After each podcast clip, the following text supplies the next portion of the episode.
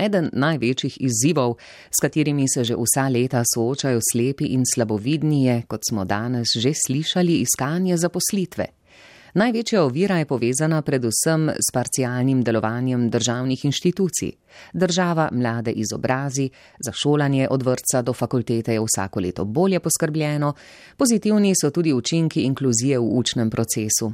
In potem, ko slepe in slabovidne država izobrazi, ne ve, kaj bi z njimi. O izzivih zaposlovanja slepih in slabovidnih, pa tudi o osebni izkušnji, se je Miha Šval pogovarjal s Polono Car, vodjo projektov na Zvezi društev slepih in slabovidnih Slovenije. Polona Car iz Zveze društev slepih in slabovidnih Slovenije, uh, vaš predsednik ocenjuje stanje na področju zaposlovanja slepih in slabovidnih kot katastrofalno.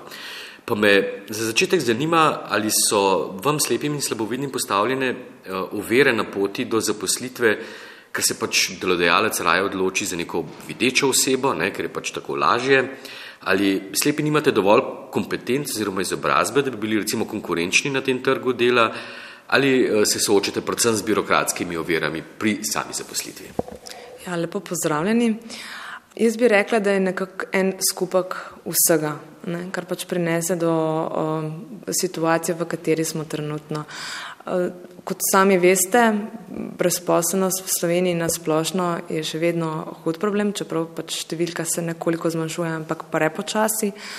Um, in seveda delodajalci verjetno v naboru kandidatov se bodo prej odločili za nekoga, ki um, nima težav, ki jih imamo pač mi. Uh, Um, čeprav slepi in slabovidni lahko načeloma, uh, seveda so omejitve, ampak uh, z ustreznimi pripomočki in prilagoditvi opravljamo um, skoraj da vse.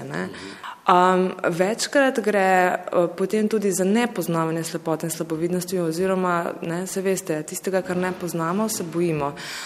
Potem, ko ste omenjali kompetence, ja, žal je tako, da Um, seveda nekateri smo, če govorim v svojem imenu, um, bolj družboslovci uh, in smo imeli pri izobraževanju v tem smislu mreka več sreče kot tisti, ki, ki so bolj naravoslovci in uh, niso imeli oziroma tudi trenutno nimajo um, enakovrednih pogojev um, pri izobraževanju in šolanju, ker je še vedno nekako prepričane, da naprimer pač slepi pa ne more, ne vem, tega pa tega pa tega. Mrsi kdaj se lahko, ne vem, slep upiše na kemijo, potem ima pa težave pri upravljanju vaj. A, lahko se upiše, ne vem, na um, fizioterapijo, pa ima potem težave pri določenih izpitih. Pa morda tudi razumevanje tistih, ki so, um, bom rekel, dajo končno štempilko, da človek lahko odide na delo. Vi imate recimo konkretno izkušnjo z medicino dela. Človek ima izobrazbo, načeloma tudi kompetence, želi uh, se vključiti v delovni proces, delodajalec s tem nima težave, ampak nastane težava pri pridobivanju vseh potrebnih soglasij. Nam lahko razložite, kako se je to dogajalo pri vas? Ja, bom kar na osebnem primeru. Um, osebna izkušnja ni bila enostavna, ko prideš na zdravniški pregled um, se usedeš, um, ti poslušajo srce, ti pregleda to, um, potem pa se pogovarjajo z zdravnikom, pa ti reče, ja, kako boste pa vi upravljali, se vi pa ne vidite. Ne? Tudi meni v prvem trenutku, ko sem pač slišala ne, um, zdravnika, uh, ko mi je to rekel, je kar šok. Ne? Si šokiran, ker um, mislim, po o, uspešnem študiju, po vsem, ne, sej, to, to se ni zgodilo pa ne vem, 15 letih, pa tudi če bi se takrat, no, ampak ne, konkretno pri meni pa 28 letih po, po vsem, um, kar sem že pač dala skozi, um, ko, sem, ko, ko sem živela že v prepričanju, ne, da pač seveda ne, uh, lahko upravljam marsikaj, um, ti potem nekako zdravnik ne, postavi tako vprašanje, in si ta prvo, ok, kaj ne pa zdaj sploh odgovorim na to vprašanje. Uh, mislim, kako to mislite? Seveda sem sposobna delati. Ne? Jaz lahko upravljam, jaz grem, ne vem, lahko poučevati v šolo, jaz grem lahko, uh, ne vem, upravljati določena uh, administrativna dela, jaz lahko, jaz moram. Um, tako da mrsikdo, uh, tudi uh, naših članov, pa je imel negativno izkušnjo. Um, nekateri primeri se niso dobro končali, pač nažalost, jaz upam, da, da je sedaj drugače in da tudi v prihodnje tega ne bo več. Pa na Zvezi društva slepih in slabovidnih sploh spremljate to zaposljivost vaših članov? Je težko govoriti o tem, koliko jih je zaposlenih, kakšen delež, oziroma če vas vprašam drugače, ali pri večini sploh obstaja interes za zaposlitev glede na socialne transfere, ki jih dobivajo ob svojem primankljaju? Jaz nisem srečala uh, rekla, med našimi člani nobene osebe, ki bi uh, ob zaključku šolanja, izobraževanja uh, ali pa malo potem pač, uh, izrazila, zdaj bi šel pa jaz, ne vem, domov pa se usedel na kavč. Načeloma, čiz vsak, tudi um, če greste vem, v osnovno šolo, uh, vsak sanja o svojem idealnem poklicu. Potem se seveda pač te želje uh, približajo realnosti, izoblikujemo ne vem, nek uh, um, realen cilj, kaj bi v življenju želeli početi. Um, tako da jaz sem prepričana, da si vsi pač želimo um, delati.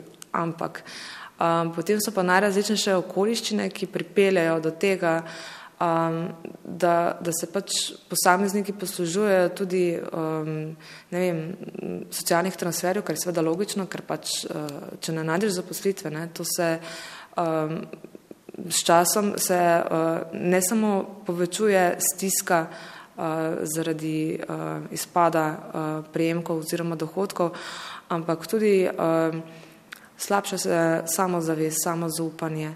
Um, druga stvar je pa tudi v tem, da um, jaz mislim, da v Sloveniji so plače preprosto preniske.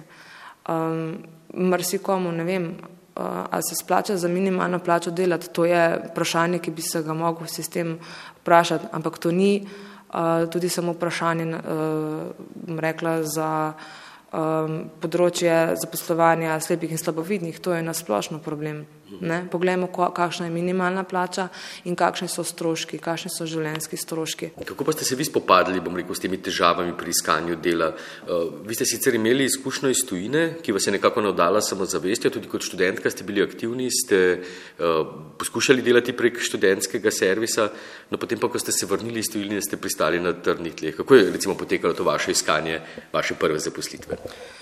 Joj, um, ko se spomnim zdaj za nazaj, kako je bilo, jaz sem prišla zelo samozavestna nazaj iz tujine. Uh, pač v tujini smo pravila um, prostovoljno delo preko Evropske uh, prostovoljne službe oziroma IVS programa, um, pač del programa Mladi v akciji.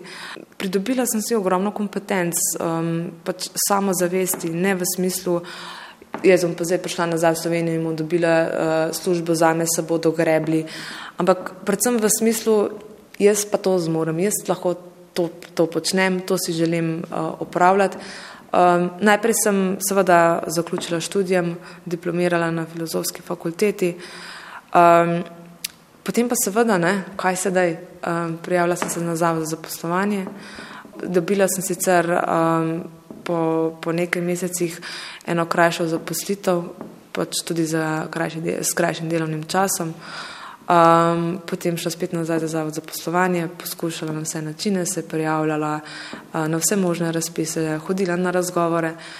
Uh, odločila sem se za pač, uh, opravljanje prostovoljnega pripravništva na osnovni šoli, v katero sem, pač tudi, katero sem tudi jaz obiskovala.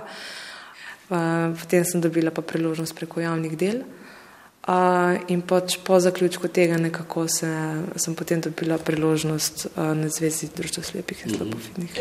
Poglejte, ko vas tako poslušam, ko se pogovarjava, imam nekako občutek, da uh, sistem, kakršen je v Sloveniji, odlično poskrbi ali vsaj zelo dobro za otroke, ki imajo težave z vidom, ki ne vidijo, uh, jih nekako pripelje skozi izobraževalni sistem uh, do fakultete, morda tudi podiplomskega študija.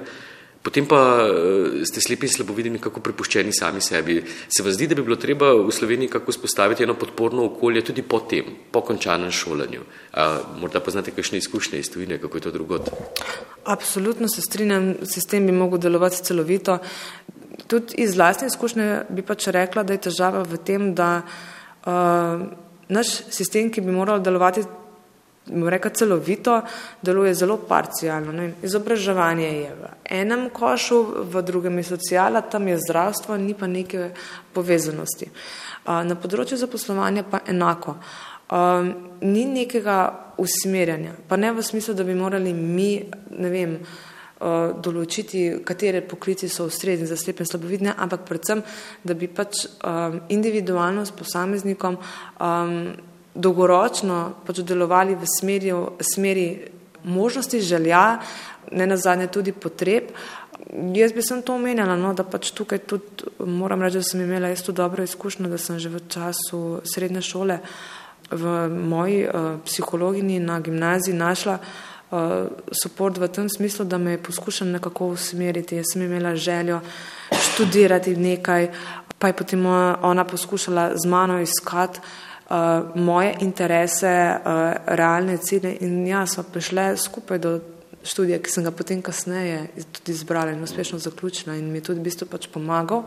Študirali pa ste pedagogiko in zgodovino, mimo grede. Uh, Polona Car, ko so se dogovarjali z današnji pogovor, sem se uh, od vas poslovil s pozdravom, si vidiva, pa sem si rekel, kakšen butelj si, da slepemu človeku tako rečeš, od ena do deset, koliko sem ga včeraj polomil.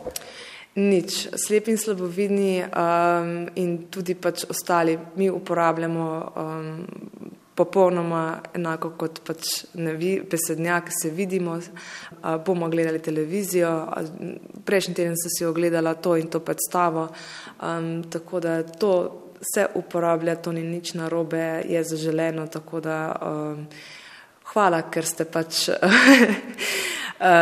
na tak način se poslovili, tako da tukaj um, ja, nadaljujte tako še naprej. No, pa še v tebu. Potem pa z veseljem rečem, uh, se vidiva, upam, da malo. Ja, tudi jaz enako se vidiva.